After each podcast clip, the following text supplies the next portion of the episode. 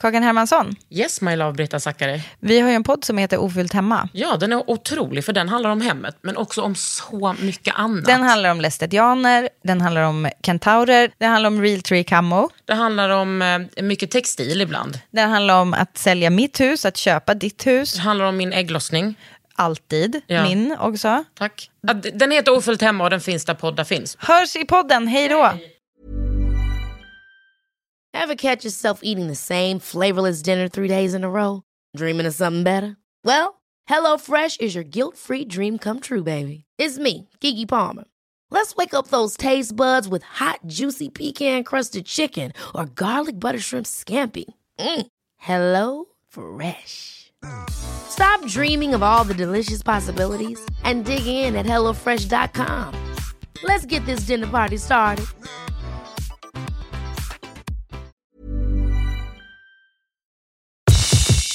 Det här är en podd från L.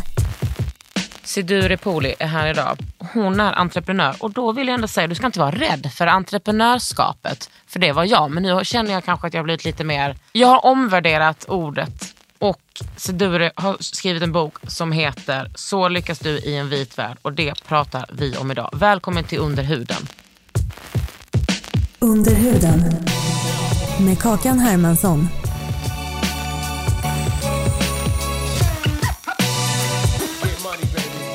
Är du med Siduri? För jag är med. Alltså ska jag säga en sak?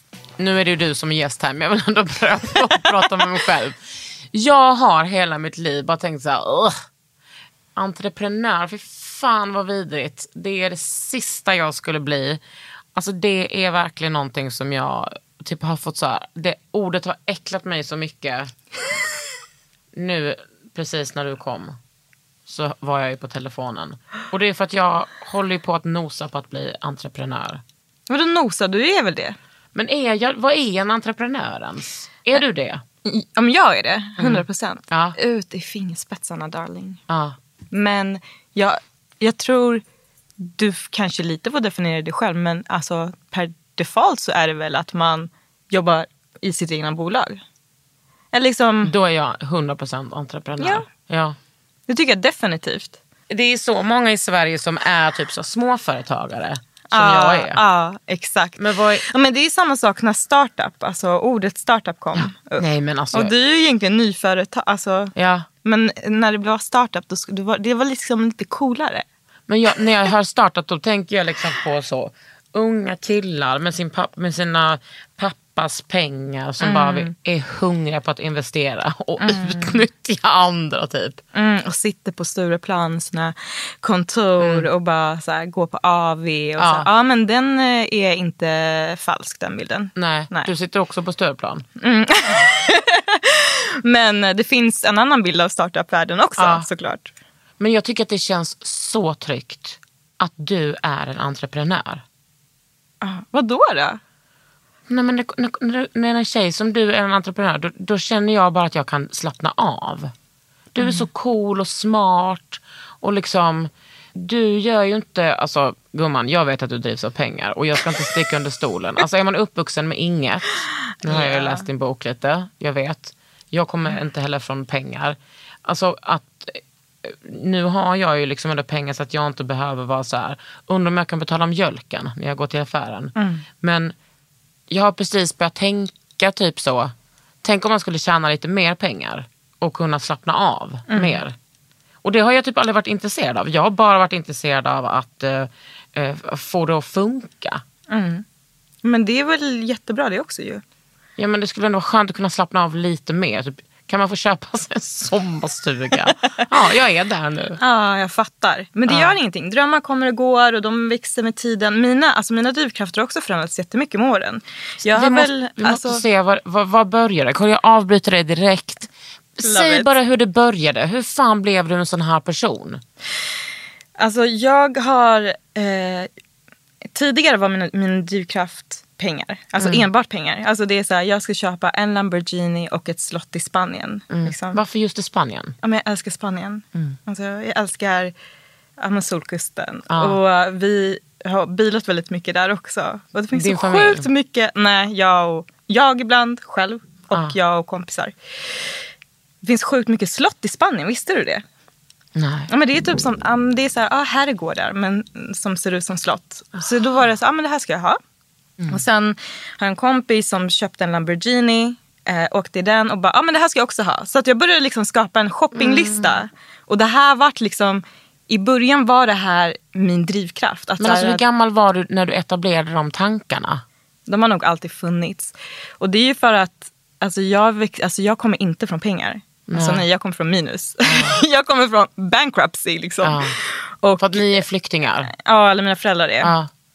Och eh, de kom ju, alltså hela anledningen varför de kom till Sverige var ju för att vi barnen skulle få ett bättre liv här i Sverige. Och att vi skulle kunna plugga på svenska universitet och vi skulle få liksom, make it. Att vi skulle få lyckas i Sverige. Det var ju det som var deras dröm. Och eh, när jag växte upp så här, ja, då var det ju så här, vi har inga pengar till mjölken. Alltså det fanns ju inga pengar. Och det spiller över på så må- många olika saker. Till exempel så här, jag älskade teater, musik och sång när jag var liten. Men vi hade aldrig råd att skicka mig på någon camp eller någon klass. Eller, och, och även så här, ytliga saker som att så här, du vet, jag hade aldrig tjejkläder när jag var liten. Jag fick bara ärva mina bröders kläder. Men, och det, ja, visst, eh, det är ju ytliga i, i ordets rätta mening. Att det handlar om yta. Men det är ju också någonting som, som påverkar ens identitet så sjukt mycket.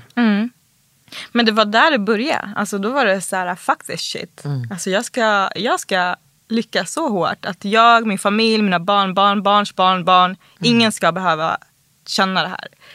Det var liksom, jag har aldrig sett mig som ett offer eller typ att jag har aldrig tyckt synd om mig själv. Alltså nej, det, är bara, alltså, det har bara hjälpt mig. Att, och, och också senare så här, olika hinder som sker längs resans gång. Så här, jag började i techbranschen, nu är det mycket bättre än vad det var för 12 år sedan. Då var det verkligen så här, jag var den enda kvinnan i varenda jävla rum man befann sig i. Eller också så här, enda kvinna med utländsk bakgrund. Och och med det kommer så mycket grejer som man inte behöver tänka på om man är om man smälter in i rummet per automatik. Till exempel, jag har förlorat kunder för att de har agerat sexistiskt. Och jag har varit så här, nej jag vill inte ha det som kund och förlorat pengar på det. En man hade ju inte behövt förlora de pengarna till exempel. Nej. Nej, det finns också kvinnor som inte hade sagt nej till de pengarna. Mm, 100 procent. Alltså jag menar den eh, solidariteten med män surrounds us all. Men alltså för mig är det, alltså du vet, när du säger tech, du vet då tappar jag fotfästet och förstår inte, alltså hur hamnar man ens i att, hur gammal är du? 32. Gud, du är 32. Kan du vara så ung och så, ah, ja. Tycker du jag är ung? ja. Jag fyller 39 precis. Ja men vi kommer alltid vara unga. Allt under 79 är fan ungt alltså. Alltså att vara född 79. Nej. Allt under att vara född 79. Nej. Eh, men vad, alltså du gick på gymnasiet, vad gick du där? Mediejournalistik. Ja. Och vad hade du in mind då? Vad tänkte du? Hur såg din liksom, strategi ut? Alltså det var... Alltså då, helt ärligt. Ja. Alltså, allting innan jag var typ 22 så handlade det om så här, the big bucks. Sen när jag var 22, det var då det ändrades. Att så här, okay, det här var inte en drivkraft nog. För att jag, alltså, det gav mig ingenting. Nej. Utan mer så här, det måste finnas något större. Och jag insåg att så här, bara drömma om ekonomisk framgång är att drömma ganska litet. Alltså, Ja, hur, jag vet inte om det kan låta provocerande eller inte. Men det är att drömma litet. Det är så här, det, den största drömmen som jag kanske inte vågade drömma själv. Det är ju den förändringen, den framgången man gör när man påverkar många människor. Alltså om man kan påverka miljoner människor till ett bättre liv, bättre vardag, bättre samhälle, whatever. Liksom att drömmen man har är så pass stor att den påverkar eh, din omgivning avsevärt. Det är ju för mig så här, det är den ultimata drömmen. Det är det största jag kan komma på. Liksom, dröm. Så att allt innan det och gymnasiet, då var, alltså, det var ju så här, det var mycket hasslerigrejer. Liksom. Vad skulle du tjäna pengar på? Det? Ja men gud, alltså jag har gjort allt. Alltså allt ifrån, alltså vissa saker, nu har jag precis fått okej att jag får prata om det här av min jurist. Men, men det är alltså, men till exempel eh, när jag började i klubblivet så smugglade jag in eh, 17-åringar som kunde pröjsa liksom, 1000 kronor per skalle för att komma in. Och då var det liksom personer som bor här omkring Ah. och deras familjer och deras barn. Um, jag har gjort allt ifrån första studentlägenheten så hade vi ett förråd som jag hyrde ut. Alltså det är så här, jag har alltid försökt hitta sätt på att späda ut hushållskassan. Liksom. Så det har alltid varit en del av det har alltid varit en del av mig. Så här, hur kan jag hitta nya inkomstkällor? Även om det är så här, och sen var det ju såklart mycket grejer som var okej. eller vad man ska säga. Ja. Jag, jag började frilansa tidigt på massa olika medier. Jag pratade om integration, segregation och sådär. Sen började jobba, alltså jag har alltid haft mycket gigs och mycket jobb samtidigt. Jag har aldrig bara haft ett heltidsjobb nöjt mig. Men har detta att göra med att du vill, eller hade att göra med att du ville liksom, eh, få pengar och klara dig och bevisa det för dina föräldrar? Alltså vet du, jag har tänkt på det. Alltså jag har tänkt på hur mycket det är så här, praktiskt klara vardagen och hur mycket det är så här, eh, leva upp till förväntningar. Förstår du skillnaden? Jag tror det är en blandning faktiskt. Alltså, det fanns tydliga förväntningar på mig från mina föräldrar att jag skulle bli någonting. Har du syskon? Ja, tre stycken. Och vad var förväntningarna på dem då? Jag eh, tror att förväntningarna var detsamma. Eh, alla har tagit sin väg. Liksom. Eh, min bror Ninos var ju han som introducerade mig till techbranschen. Han är ju systemutvecklare och så här, jobbar med... Så här, han är en sån som så här, bygger en dator, du vet. ja, men han är verkligen så här, teknikälskare och min pappa är mer så här, samhällsintresserad och så mänskliga rättigheter, hela den grejen. Och det är liksom en fusion av de två. som Ja. är typ, Jag är typ produkten av deras dialoger kan man säga. Min andra storebror Ashur, han försökte hitta en annan typ av framgång som var den framgången som presenterades för honom. Vilket var en kriminell väg. Min lilla syster, hon har, hon har mer så här följt efter mig tror jag. Och mycket frilans, mycket gig, jättemy- jobbar mycket inom kultur. För henne är så här, hälsa och att må bra det viktigaste. Så att alla har liksom olika definitioner av framgång. Och det är, väldigt, alltså det är väldigt viktigt för mig att så här, definitionen av framgång, den bestämmer ju du. Alltså om det är så här, jag vill kunna göra roliga projekt resten av mitt liv. Om det gör dig lycklig, då är det det du ska göra. Alltså det finns ingen, jag lägger ingen värdering i vad du definierar som. Men du, när du var 22 så fattade du ändå bara alltså den här Lambon kommer inte göra mig lycklig. Nej, nej. Vad, hur förstod du det? Alltså delvis så förstod jag att min dröm var för liten. Och sen var det, min pappa har ju i alla år som han har bott i Sverige har han kämpat med att lyckas. Och för honom var det typ driva företag, så som typ restauranger och kaféer. Och sen så startade han ett företag som heter Casa Nostra. Och då, han startade väl det när han var typ, ja, men typ tio år innan han gick i pension. Eh, och det gjorde han liksom fram till pensionen. Men ändå inte fick det att flyga. Och då var det så här, men gud for what liksom. Och han, Vad, är det för företag? Casa Nostra var ett företag där, det var egentligen ett storkök där man levererade mat för, till restauranger och kaféer som, som antingen inte hade egna kök eller som hade kök men behövde utöka sina menyer.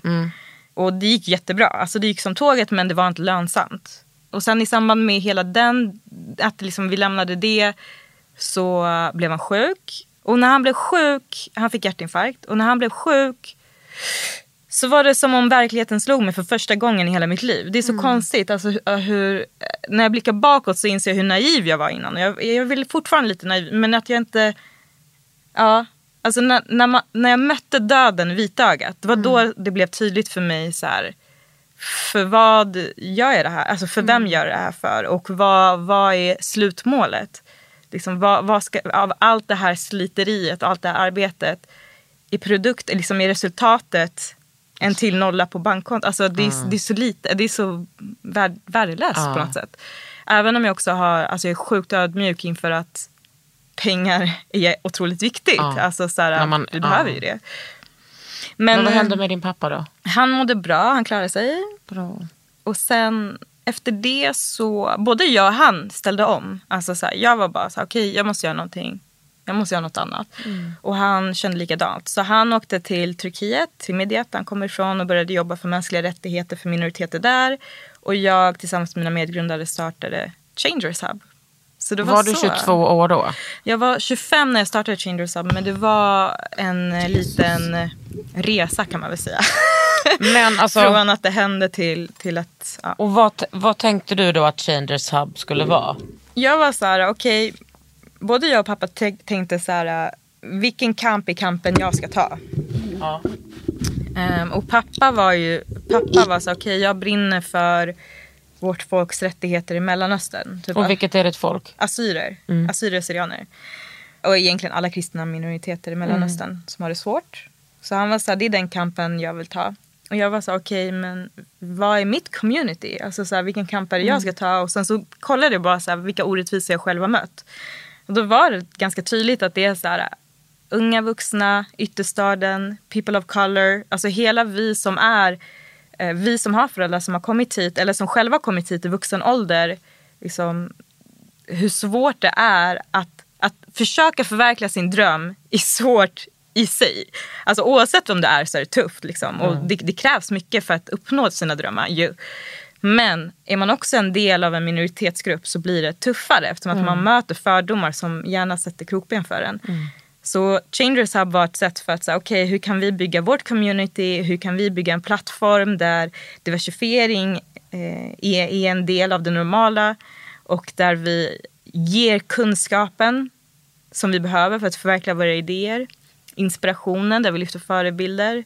Men framförallt bygger nätverket för att kunna liksom, nå våra drömmar. Eh, Okej, men nu ska jag fråga en eh, dum fråga då. Nej, den är inte dum. Allt det som du säger fattar jag. Man bygger nätverk, man, man har en mångfald. Eh, Men alltså, vad är det för slags... vad skulle ni göra? jag fattar inte. Alltså, fattar du min fråga? Skulle ni... Ah, jag dör! Okej, okej. Så... alltså jag dör. Kolla, alla, vi fyra medgrundare till Change alla, alla har sina olika anledningar till varför man började. Typ Victoria Escobar, hon, brinner för, hon, hon brinner för ungdomsfrågan, ungdomsperspektivet. Fares, han brinner för subkulturen. Hur kan vi stärka subkulturen som finns i orten och sådär.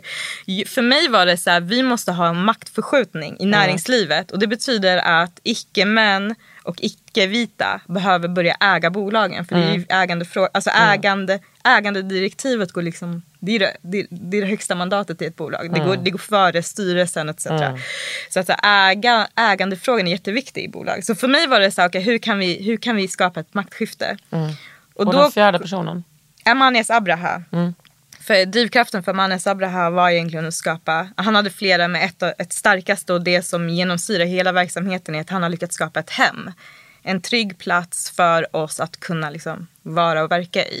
Där det man inte behöver möta de fördomarna som man möter i den yttre världen. vad Man ska säga. Så det gjorde vi och då gjorde vi en förstudie med Botkyrka kommun, Vinnova och Tillväxtverket. Där det var så, okej vad behöver man för att förverkliga sina idéer och vad finns det en brist utav? Det är, det vi, det är, liksom, det är den ingrediensen vi ska ge. Och då var det kunskap, inspiration, nätverk som var liksom de tre ingredienserna. Som ni kunde erbjuda unga personer för att starta eh, en, ett företag eller typ en förening. Eller skulle allting... Eller driva igenom ett projekt typ. Ja. Så vi har en akademi. Där är väldigt renodlad. Liksom, eh, kurser, utbildningar, events. Sen har vi en musikstudio för de kreativa själarna som vill eh, producera musik som går under House of Independent. Och sen har vi två stycken coworking spaces. Så det är två kontorsplatser i Stockholm. En i Alby och en i här på Grev Turegatan. Som heter Changers Hub Sture. Och sen håller vi på att addera fler produkter. Och, alltså vi växer ganska snabbt. Vad betyder produkter? Produkter jag fattar att du är- pratar som en sån där riktig entreprenör nu va? Nej men förlåt. Nej men alltså jag, jag ska ju bli det som I'm listening. jag är så intresserad. Fler produkter. Jag bara, menar du ett serum eller vad menar Nej du? Orkar inte. Ja men det skulle kunna vara. Ja men okej, jag, jag kanske menar koncept. Så att, det, kolla, det Changers Hub har lagt grunden för nu det är ju en plats där idéer kan växa. Mm. Och idag har vi över 2000 befintliga och blivande entreprenörer. Så att det är sjukt mycket. Broder! Brors och 66% kvinnor. Hej! 2% icke-binära. Och det här i entreprenörskapsforum är alltså, det är galaktiska siffror. Alltså, det, är så här, det, Am finns, right? det finns typ inga entreprenörskapsplattformar där kvinnor är, eller icke-män är i majoritet. Så det är så här, det är så här mångfald ser ut. Liksom. Erkänn, du sitter och väntar på Nobelpris. Ja, men... Nej, Jag ser att du gör det. shout out. Shoutout Nobelkommittén, what's good? Nej men alltså, och, och de personerna är, säg att jag då är en person, inte jag då, 'cause I'm white. Säg att jag kommer, Nej, men, nej, nej, nej. Alla, alltså, det är det som är det fina är att så här, det är så inkluderande. Mhm. Att det, det, det är inte som om vi så här, ah, nej men om du har bott i Sverige i tre generationer så får du inte komma in. Det är verkligen inte så utan det, det är tvärtom. Det är mångfalden som gör det. Till exempel vi öppnade upp här på Grev Turegatan för att här finns investerarkapital, här finns samarbeten, här finns, många befinner sig i innerstaden och har möten i år. Så att det är ju mixen av allting som gör eh, nätverket så starkt. Alltså det är ju att någon, eh, jag som kanske, om jag inte, om jag var 17 år nu, trampar in på, eh, på Changers Up Sture Ja. nu och får träffa någon från Wallenberg, familjen. Liksom, alltså, det är ju den, det är den dynamiken och det är de mötena man vill ha. Så det är verkligen, alla är Men jag är kanske lite för gammal för att komma till Changers Hub. Alltså för vår akademi, Mm, för vår akademi kanske, ja. Men inte våra coworking spaces, där är det öppet för alla. Ja, kul. Vad var din fråga? Nej men om jag skulle knalla in där och säga att jag har eh, den här idén. Är det alla idéer som ni, man kan få hjälp med? Eh, ja. Du, du måste prata med mig som att jag är ett blankt papper, som att jag är en liten boll. Ja. Ja. ja, alla idéer. Eh, typ, jag vill göra den här musikfestivalen eller jag vill starta det här, den här appen. Mm. Så det vi gör är, i vår akademi så har vi något som heter coachningsprogrammet. Så då ansöker du om så här, jag vill vara med och jag vill göra den här musikfestivalen. Och då kollar vi på våra coacher, våra mentorer, så här, vilka har vi som har gjort det här förut. Så det är väldigt så här hands-on, vi, vi, vi, vi plockar liksom coacher och mentorer som passar din resa du har framför dig. Så att det är inte så här generisk information som kommer ut utan det är väldigt personligt. Alltså så här, utifrån dina förutsättningar. Fan vad lyxigt. Ja men det är värsta, det är värsta grejen. Och det är ju tack vare att vi har bra partners. Det är jättemånga partners som eh, vi samarbetar med som liksom älskar det vi gör och tr- tror att det här är framtiden. Och delar liksom vår, vår, vision för framtiden. Och det här med produkter. Till exempel Changers Studios. Det är, det är liksom en gren från Changers Hub där vi går in i musiken. Så man kan gå in dit, producera eh, och göra det man ska göra i musikstudio till exempel. Och sen när man vill få ut musiken då håller vi på att titta på hur man också kan liksom, distribuera ut musiken. Men gud. Och sen wow. tänker vi att en, ett sätt att växa är ju liksom på bredden. Att så här, både ta mark på flera olika branscher, till exempel mode.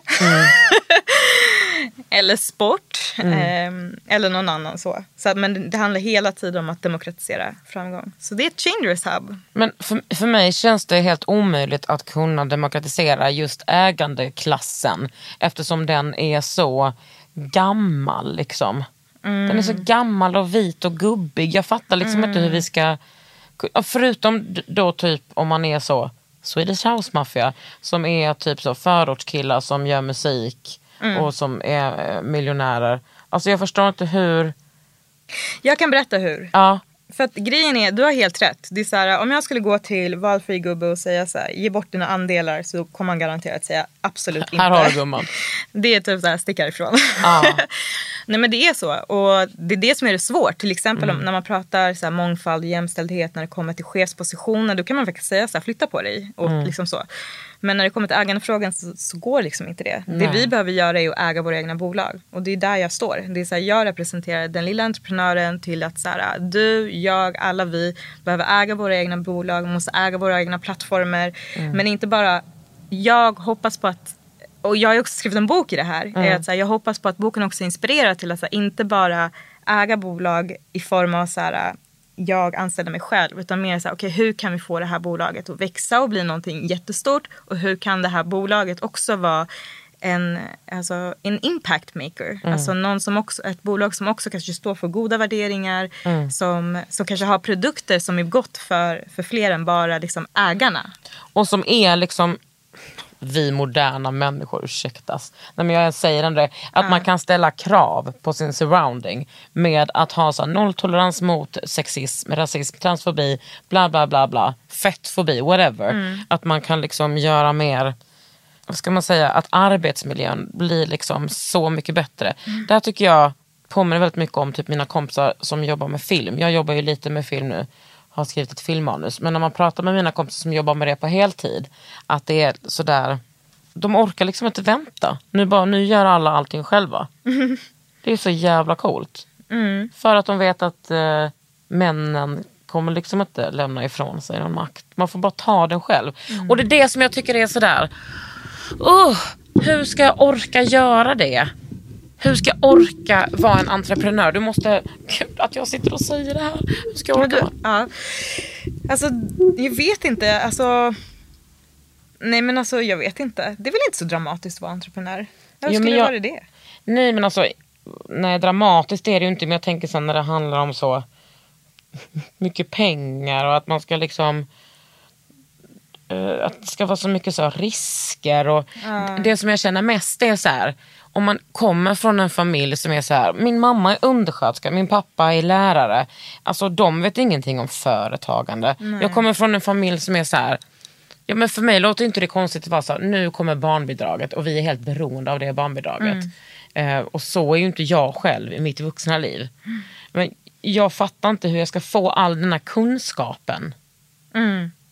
Men alltså vet du, jag hör dig. Och vet du, det är också konstigt att vi inte lär oss mer om det här faktiskt i skolorna. Alltså, nu vet jag att man har lite mer entreprenörskap i så här, Ja. musiklinjen och sådana saker. Nej, men det är, för så det är bara de som kommer från sådana familjer Ja, som ska få det familjer gratis. Och så typ om man har pluggat ekonomi, man går något UF-företag och sådär. Men det här, det här är ju en del av problemet. Det är att så hur ska vi få entreprenörskap att bli för alla? För att alla vi kan du nämnde Swedish House Mafia, alltså de är ju, alltså de är ju entreprenörer. Fast de är också vad heter det, DJs eller producenter. Och, både och kanske det heter. Ja, de är både och. Och då, eh, men man ser dem kanske inte framförallt, främst som entreprenörer. Eller liksom, och, och det är det som är så här, hur kan vi bli mer business, alltså ha, få in ett business mindset i det vi redan gör. För att det är jättemånga, alltså jag skulle absolut 100% säga att du är, redan är en entreprenör. Sen beror det på hur, hur man vill växa. Alltså så här, vill man vill, har man som mål att så här, jag vill leva gott så som det är och det, det, är liksom, det, är det beror på liksom men jag vet inte. Alltså mina föräldrar var inte heller, alltså de, alltså de, de levde ju för månad för månad, alltså minst sagt. Bästa fall räckte det till månad, nästa månad liksom. Så, och jag har ju fått lära mig jättemycket själv. Alltså, jag gick ju på Bergs. Jag har pluggat journalistik och kriminologi men det är ju inte, alltså, jag har ju lärt mig själv. Jag läser böcker och kollar på YouTube. Och nu finns det också edX.org eh, där man kan ta Harvard-kurser gratis. Så det är skitfett, det gör jag. Alltså det är bara en sån grej. Om, om fr- frågan är så här, var finns kunskapen? Alltså bara en sån grej. It's fucking out there. Harvard, alltså. Under huden. Many of us have those stubborn pounds that seem impossible to lose, no matter how good we eat or how hard we work out. My solution is PlushCare. PlushCare is a leading telehealth provider with doctors who are there for you day and night to partner with you in your weight loss journey. They can prescribe FDA-approved weight loss medications like Wagovi and Zepbound for those who qualify. Plus, they accept most insurance plans. To get started, visit plushcare.com slash weight loss. That's plushcare.com slash weight loss. Ever catch yourself eating the same flavorless dinner three days in a row? Dreaming of something better? Well, HelloFresh is your guilt-free dream come true, baby. It's me, Kiki Palmer. Let's wake up those taste buds with hot, juicy pecan-crusted chicken or garlic butter shrimp scampi. Mm. Hello Fresh. Stop dreaming of all the delicious possibilities and dig in at HelloFresh.com. Let's get this dinner party started.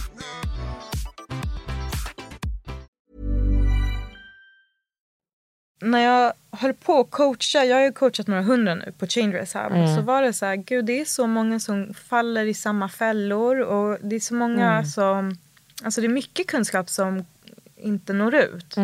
Och det var ju i det ledet som jag var så här, okej jag måste typ skriva en bok. Och nu bara är den här. Hur du lyckas i en vit värld. Exakt. Har du kommit på det? Har du kommit på hur man lyckas i en vit värld? Uh, Alltså har du hittat jag lösningen? fattar. Mm. Jag tror jag har hittat mitt sätt i alla fall. Mm. Ja men jag har hittat mitt sätt. Faktiskt. Det är ju, det är ju liksom väldigt bra, eh, alltså som, jag som vit kan ju, alltså det är inte som att någonting kom som eh, en överraskning för mig i den boken. Alltså jag menar med eh, din strategi. Det, lå, det, alltså det låter ju fantastiskt. Alltså du, du är så smart. Nej men! Det, det måste du väl själv fatta. Nej, men, men också att du, eh, jag är mer såhär, ja, du har liksom haft tid att skriva den boken samtidigt som du har hållit på med det här. Och jag tänkte att du måste nog vara lite av en sån en, en övermänniska. Är det sant? Nej Mm. gud. Jag är verkligen inte det. Jag är verkligen inte det. det har varit, alltså det... Um, alltså det har, alltså jag har ju också varit mamma under den här tiden. Jag fick ju... Jag fick ILO 16 augusti. Min systers födelsedag. Är det God bless, sant? ja. God bless your sister. And ILO. Och en ILO, min älskling. Ah, var hur gammal är ILO? Nu är han ett år. Så jag har ju varit mamma eh. Medan jag har skrivit. Och samtidigt Wow. som mm, jag har gjort andra grejer också. Men skriveriet tog mycket tid och det är alltså, det är ju bara tack vare att jag, alltså jag, jag gick ju all in i den. Jag flyttade till Tumba där mina föräldrar bor. Bodde med mina föräldrar. Och det här var ju alltså i november. Och det enda jag tänkte var, för jag fick kontraktet med Bonnier och kände så här, okej jag, jag fick nio månader på mig att skriva boken men jag skrev den på 20 dagar. Och det är bara för att varje dag jag satt där och skrev så kände jag så här, varenda timme jag sitter här är en timme som jag inte är med min son.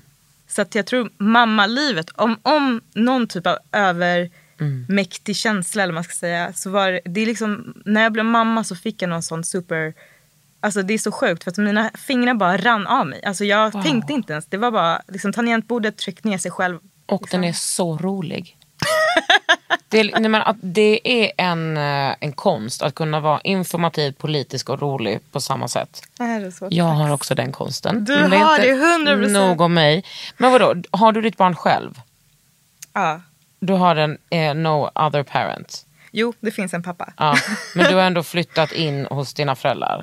Wow, okej. Mm. Så mina föräldrar har ju hjälpt till. Ja. Och den bilden är också viktig att visa tycker jag. Ja. Att det inte är så här, alltså det är blod, svett och tårar men det är så här, jag får jättemycket hjälp av mina föräldrar och min familj. Typ min bror, alltså du vet. Alltså de har gått till sådana nivåer för att jag ska kunna skriva den här boken. Alltså de har så här bäddat min säng, lagat mina middagar, du vet. Så att det är så här, om den här går bra då är det vår gemensamma framgång. Alltså det är inte jag som har skrivit den här boken utan vi har verkligen varit en village liksom. Som, som har Men gjort vad, det här.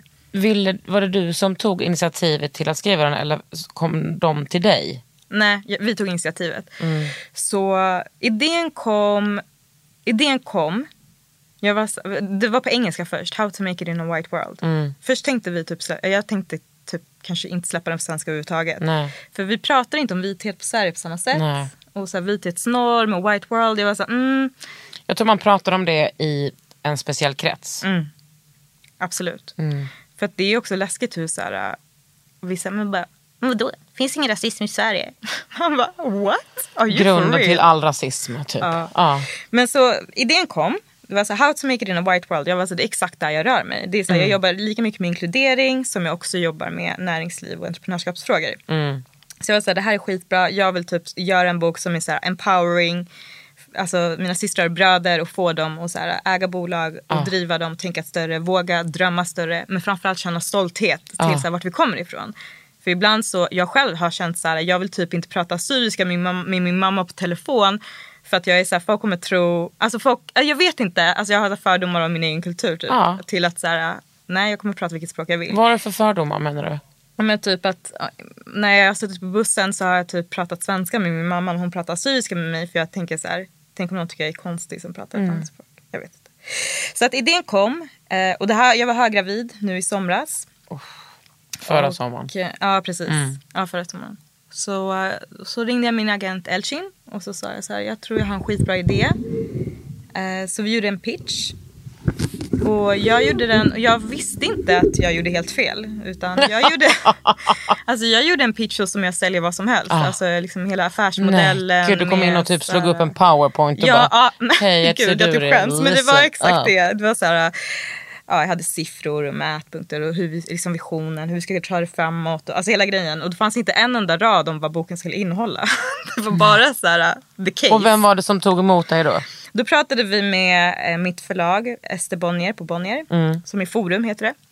Forum. Där ligger min bok också. Yes. De är så bra. Jag älskar dem, älskar den Visst, familjen. har du Jenny eller? Ja, Åh, Jenny. Ja, jag dör för Hon är Jenny. otrolig alltså.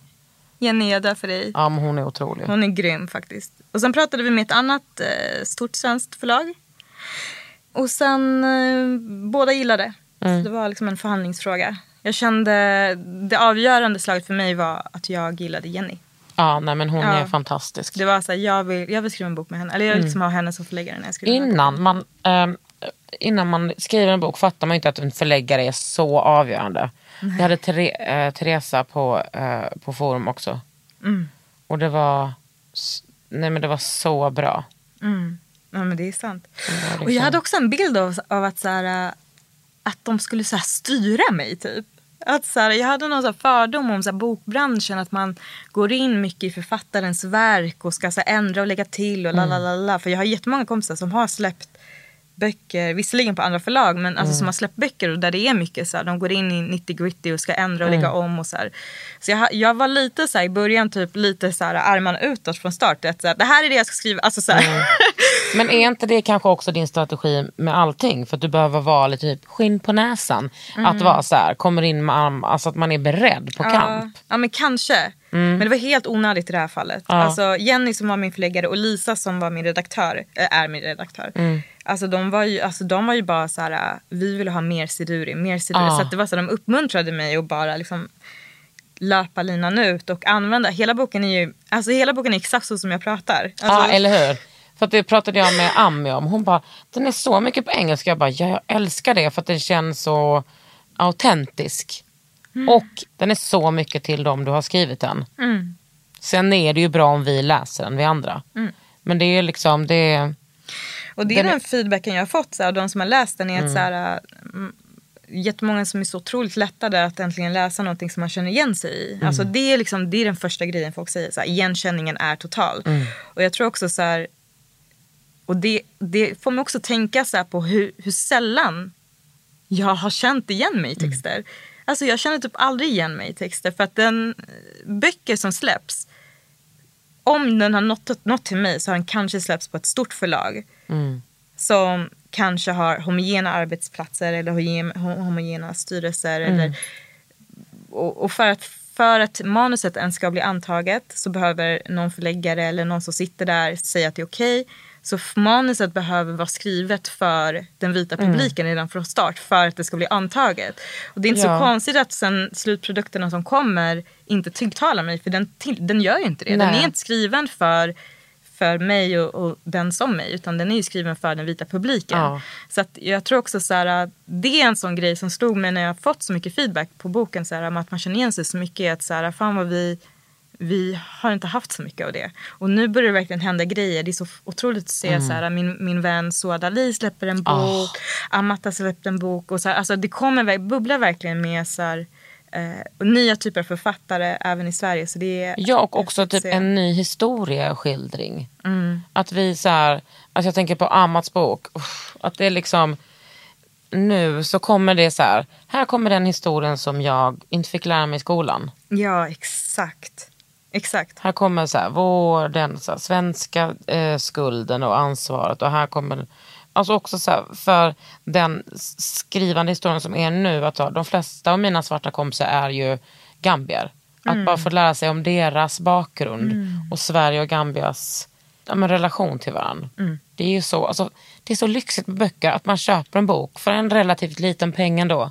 Som någon har liksom lagt ner sitt liv i. Eller ja, 20 dagar då för dig men. Med din megabrain så är det typ 20 år. Men du, vet, du har ändå samlat dina erfarenheter. Alltså, sen, alltså du var ju första utkastet som var 20 dagar. Ja, sen var det, sen sen, bara- var det så här, du måste ändra det här och det här. Men vi tog inte bort så mycket. Visste du till exempel, ja men det vet du för du har skrivit en bok. Men jag visste inte det, att en bok, alltså eh, originalböckerna är egentligen tusen sidor. När man räknar, alltså genomsnittet, när man räknar hur många gånger man skriver om och lägger till och tar bort. Ah. Så skriver en författare tusen sidor som blir slutprodukten av 200-300 sidor eller vad det är. Alltså genomsnitt. Det, det tror inte min var. Men jag får också in så mycket i en mening så att jag... Sjukt effekt, effektivt Men typ. skrivande. Jag såg, jag såg min bok nu häromdagen i, i pocket och då var den så jävla tunn. Jag bara, hur kan, liksom det här, hur kan den här, varför finns den här boken ens? Men den är fan, den har någonting alltså. 100 procent. Ja. Såklart den ska finnas där. Men du, hur lyckas man i en vit värld då? Så jag har ju skrivit eh, tio principer Mm. som boken grundar sig på. Och tillsammans bildar de någonting som jag kallar för Underdog Manifesto. Mm. Som är mitt lilla manifest. Där jag har listat, ja men så här, och det är också så här insikten av att så här, alla läser inte böcker. Faktiskt. Och så här, jag, har, jag älskar att läsa men jag vet många av mina vänner som inte läser. Så jag var så okej men kan jag på något sätt koka ner det här? Om man inte är en läsande person eller absolut vägrar läsa den här boken. Så här, vad kan man ta med sig ändå? För jag vill ändå sprida budskapet, kunskapen. Så att det var så här, okej jag, jag sammanfattar det i tio principer.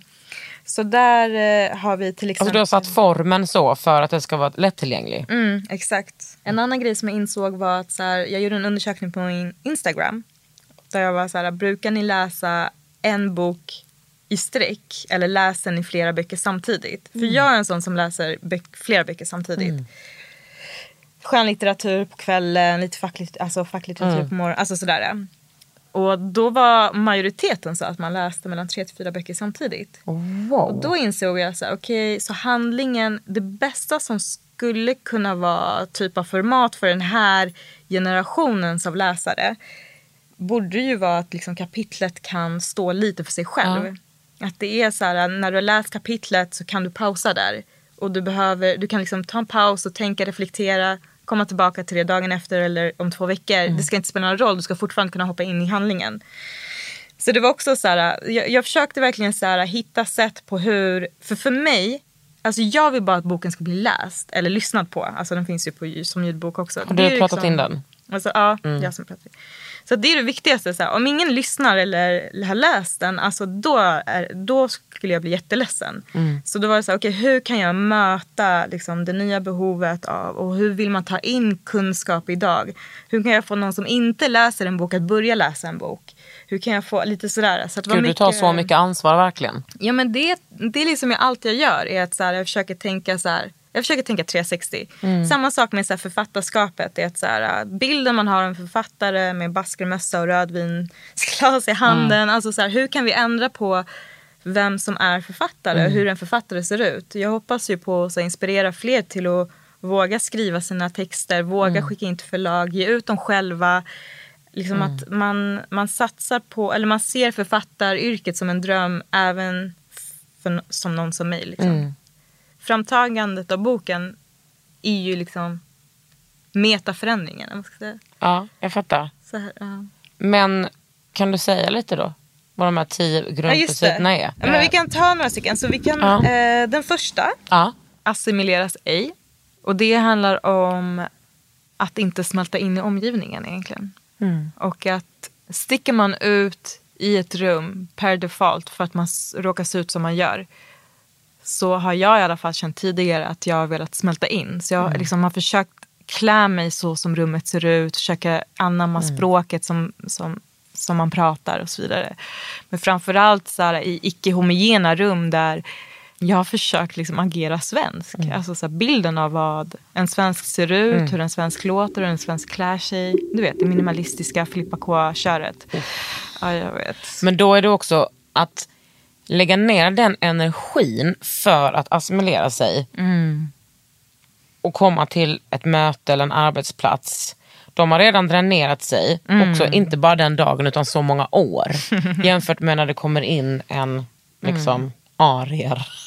En, a, en ariel. När det kommer in liksom en, men en vit person. Eller liksom bara en, en vit man. Exakt. Eh, för att Där den bara kommer in och platsen där för den personen är självklar. Men vet du, det är och har också varit så här, självklar så många år. så många år, alltså för många år. Men det är också så här, ehm, jag har lagt det mot varandra. Så här, alternativt komma in, vara 100% sig själv, köra sin klädris, du vet, prata sitt språk, sitta som man sitter, göra sin grej. ja. Jag vet, jag älskar att vi typ halvligger nu. Men, och sen vara beredd på the stupid questions. Alltså så "Mm, hur firar du ramadan? Hur är ramadan? Mm. Eller typ. Bara ser du, här, ser du det här korset runt min hals? Ja men precis. Eller men du vet, eller skjutningar i orten eller whatever. Och har insett att så här, nej, det är fortfarande värt det. Alltså det är fortfarande värt att inte smälta in utan stå sann mot den man är. Och sen så bara får man antingen brösta frågorna eller rygga dem på något sätt. Så det är ett. Nummer tio, bygg din tribe. Också otroligt viktig. Du hoppade från 1 till 10. Jag hoppar till ett till tio. Ja, det är bra. Gör din grej så du. Jag, jag, jag kan inte, det är du som är entreprenören, jag är liksom bara light. Ah, Men vadå, ska vi gå igenom varenda Nej, princip? det nej, kommer nej, ta två timmar. Bygg din Läs min tribe, jag bok. fattar det. Alltså köp hennes bok. Vi kan inte ge bort grejer här gratis. Bygg din tribe, alltså typ skaffa brödrar och systrar. Mm. Ja, men alltså, jag, hade varit, jag hade inte kommit en centimeter utan ett community. Nej. Alltså utan mina vänner och kompisar och branschkollegor som hypat, stöttat, peppat, alltså du vet introducerat mig till folk, öppnat dörrar. Alltså allting, allting som finns är ju tack vare alla människor som finns runt omkring mig. Så att det, det är det absolut viktigaste är att bygga, bygga din, din tribe helt enkelt. Och också för att sen, alltså typ nu i onsdags när jag hade min releasefest här i Changers Up Sture, också få fira med sin tribe. Alltså det finns ingenting bättre än så här, komma till en lokal och du vet min mamma var uppklädd. Mina syskon var uppklädda, mina kompisar kom dit uppklädda. Du Ja. vet, och vi, vi bara gick in där och, och alla var så glada för min skull. Och så här, alltså, det är också det är så framgång, min framgång skapas tillsammans med andra. Och den delas också med andra. Alltså, den delas, glädjen delas, effekten av mitt arbete. Du vet, bara träffa någon från Changers och de bara shit jag har öppnat upp en butik här på grund av att jag vågade satsa på min dröm om det här. Och, alltså effekterna delas. Alltså, det, det är hela det här äh, dela med sig och, och bygga varandra som är... Ja, Big din tribe är mm, för mig, alltså i, inte bara i karriären utan i livet, är så här, vem har vi runt omkring oss? Men också så här, Verkligen. vi kan också dra till oss giftiga personer också såklart. Alltså, och där måste vi vara försiktiga med vilka vi släpper in och inte. Och faktiskt även där stå sanna mot oss själva. Och så här, Varför känner jag inte att den här personen har good intentions? Eller varför blir den här personen inte glad när jag berättar den här saken? Typ när det kommer, det är två, två egenskaper som ingen av mina vänner har. Och som jag aldrig skulle kunna ha i mitt liv. Och den ena är missunnsamhet och snålhet. Alltså de två sakerna, det är så här, minsta tecken på det där, you're out. Alltså det finns inte, i, mitt, alltså, i min värld så är jag faktiskt, jag är inte king eller queen, jag är diktator. Jag bestämmer helt och hållet vem som kommer in här och inte. För att jag vet hur mycket kärlek och energi jag ger. Och hur, alltså jag är sjukt lojal och så här, jag gör allting för mina nära. Och jag, jag kräver ändå lika mycket tillbaka. Så att det är så här, Big Din Tribe handlar om att här, ta in människor som får det växa. Alltså oavsett vem det är. Om det är din kille, tjej, om det är vänner, arbetskollegor. Eller... Och det här är också en anledning varför jag vill driva eget. För att kunna bestämma själv vilka jag spenderar min tid med. Men tror du att, alltså det tar ju ändå tid att komma dit, att inse sådana saker och våga ställa krav på människor, tänker jag. Ja. Och när man inser det så inser man det. Alltså, man kan inte... Man, va- Man ska inte nöja sig med mindre. Nej, jag tycker inte det. Alltså, jag vet mitt värde. Alltså, det, har tagit alltså, det har tagit tid för mig att förstå det fullt ut. Men jag vet, jag vet mitt värde och jag vet exakt vem jag är. Jag vet exakt vart jag är på väg. Jag, vet, alltså, jag, jag har så mycket koll på det som jag kan ha koll på. Sen i boken så skriver jag också att så här, det är bara 10 så, i livet som vi kan kontrollera. Och det kommer jag göra mitt yttersta. I de där 10 procenten kommer jag ge mina 100 procent. Sen 90 procent är så här, livet händer. Du vet, ibland blåser det åt ett håll, ibland åt ett annat håll. Ibland åker vi rakt ner, du vet, längst ner. Ibland föder man vi barn. hyggligt- ibland, ja, men exakt. Jag menar om det är upp eller ner eller höger eller vänster med den delen. Men, så att det är så här, mina 10 procent, jag kommer med mitt yttersta. Och där finns det inte utrymme för där finns inte utrymme för bad energy. Alltså, Nej. I'm sorry. Det, fin- det klamrar dig fast på någon annan. Det kommer inte bli du. Men Nej, du, vad jag- tror du att liksom, ja men Changers Hub är ju liksom för att få andra människor och du såklart att växa och liksom skapa möjligheter. Men har du själv ett sånt drömprojekt som inte är Changers Hub som du vill göra? En resa jag vill göra är att vara med på en resa på, eh, för att skapa en unicorn. Alltså ett bolag som är värt mer än en miljon dollar. Hej Seduri, det här är Seduri. Eh, nu sa du faktiskt fel. Unicornbolag är alltså bolag värderade till en miljard dollar, inte en miljon dollar. Och det låter ju mycket bättre för det är den resan vi vill med på, eller hur? Så det här var en liten disclaimer. Nu kan ni fortsätta snacket. Ciao! Ja, det är, säger man att det är en unicorn? Ja, och Sverige är Stockholm, eller Stockholm är, undrar om det är världens mest eller näst mest unicorn-tätaste stad. Eller, Ja, säga. eller om det är tredje mest unicorn-täta. Men det är också för att vi typ inga människor som bor i Stockholm om, Ja. man, jämför med, Ja. om man jämför med andra städer. Men också för att många är så privilegierade. Mm. Och att vi har ett skolsystem som underlättar sånt tror jag. 100 Och att vi har många procent. rika, absolut. Och vi är ju, alltså, vi är ju, eh, vi är ju en av världens mest innovativa länder. Alltså, Mm. Vi är ju topp tre, topp fem i alla globala listor. Och det är, det är både det du säger, så här, gratis utbildning men också för att vi har vet, eh, starkt socialt skyddsnät. Mm. Liksom, det är väldigt få som är relativt fattiga i Sverige om man jämför med andra länder. Mm. Det är också på grund av jämställdhet. Vi har liksom en, en hel halva av befolkningen som också jobbar Mm. och som också eh, har möjlighet att göra karriär etc. Så, det, är så här, det är mycket som behöver klaffa för att kunna säga att vi är en av världens mest innovativa länder. Men Vilket är det mest är det? det, jag, jag vet inte. Det går, jag, tror- jag tror inte det går att svara på. Det är typ Kina. Jaha, du menar så? Ja. Alltså som i världens mest innovativa Ja. land. Det beror på på olika listor. Men Singapore, säger man det på svenska? Singapore? Singapore. Aha. Mm. Eh, Tyskland. Kina är med på några listor.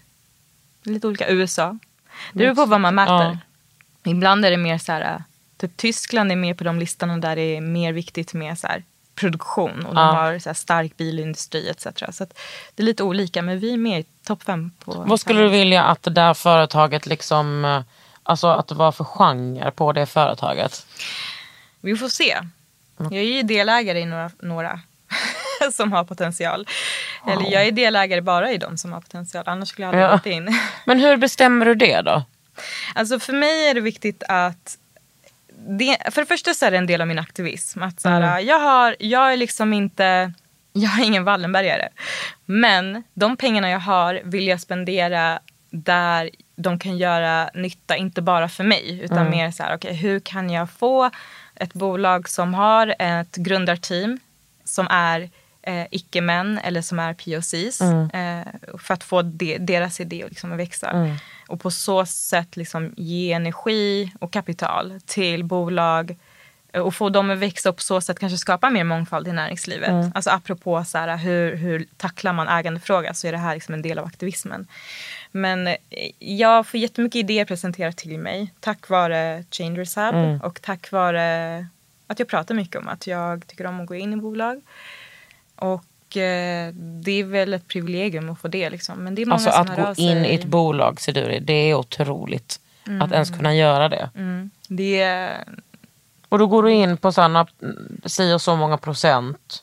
Och när man går in då betyder det att då kan du, då har du de procenten och då kan de procent, då kan liksom den mängden pengar växa. ja, exakt. Så man kan, alltså man kan tjäna pengar på olika sätt när man investerar i bolag. Och man kan också investera på olika sätt. Jag går aldrig in bara med pengar. Utan jag går också in med så här, mitt nätverk eller eh, mitt, min plattform. Alltså jag har andra grejer och, liksom, runt omkring mig som också är av värde. Men eh, och och hur jag får tillbaka pengarna är delvis om jag ser ett långsiktigt ägande i ett företag. Då får jag förhoppningsvis tillbaka det i form av utdelning längre fram. Men jag går ju in i bolag som är ganska små fortfarande. Alltså ti- under 10 miljoners spärren. Och då, då kan det ta tid tills ett bolag blir lönsamt helt Ja. enkelt. Men sen kan man också tjäna pengar i form av runder. Till exempel jag går in i ett bolag idag eh, som, är vär, som värderas till 4 miljoner. Nu hittar jag bara på. Som är vär, värderat till 4 miljoner kronor. Och sen nästa investeringsrunda som är kanske om ett och ett halvt år så är målet att få det här bolaget värderas till 20 miljoner. Och då kan jag i nästa runda sälja av mina aktier. Då behöver jag liksom inte vänta i så här 5 till 10 till 15 års tid för att det här ska bli liksom lönsamt på riktigt. Utan då kan jag sälja av mina aktier redan i nästa runda eller sälja av delar av mina aktier i nästa runda. Och då, ja, då har ju... Ja, så det, det, är- det är och så, man tjänar gör. du pengar Liksom. och så investerar du i nytt. Ja. Ja. Så att vad är det? En värdering på 5 miljon- miljoner idag, om ett och ett halvt år om det är 20 miljoner så är det, vad är det fyra gånger pengarna. Så det är väl så det funkar lite. Det går bra för dig gumman. Alltså jag är inte, jag är inte slott i Spanien klar. Nej. Men I'm getting there. Mm. Men du måste ju ha gjort alltså, om dina prioriteringar 100% sedan du fick barn.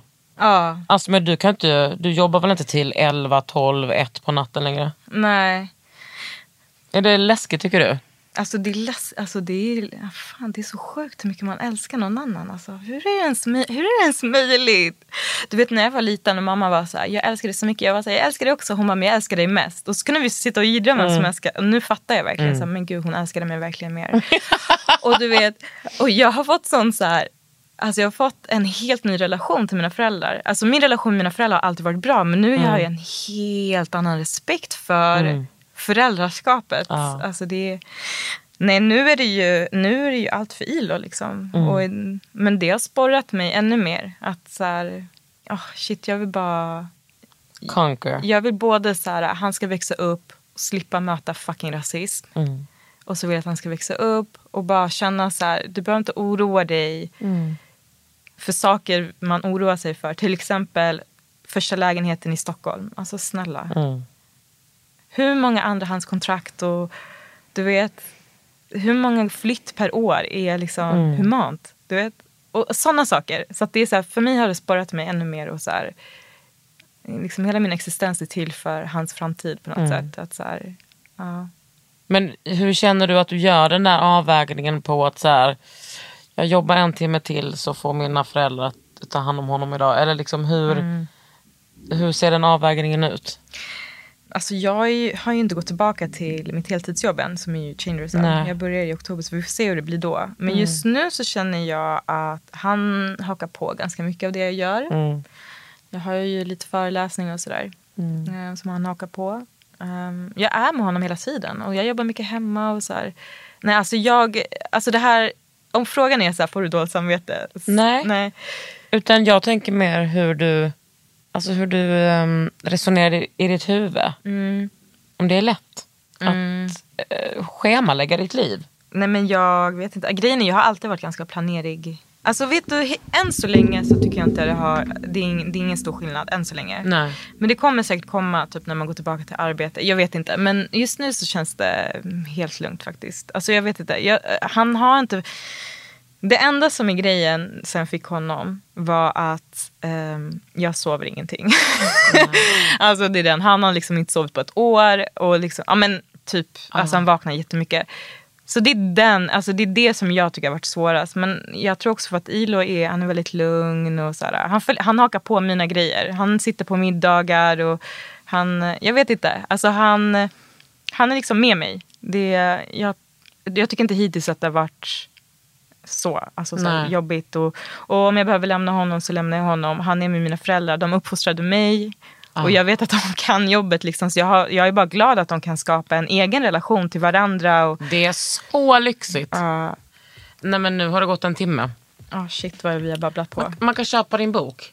Ja, go get it. Hur du lyckas i en vit värld. Ja, Du var inte man. Hur du lyckas i en vit värld. nej. I sådana fall kvinna. Skojar. Hur kvinn lyckas i en vit värld. Du har lyssnat på mig, Kakan Hermansson, Och Siduri Poli. i Underhuden och eh, tack för att du kom. Du har lyssnat på Under huden med Kakan Hermansson. En podd från L.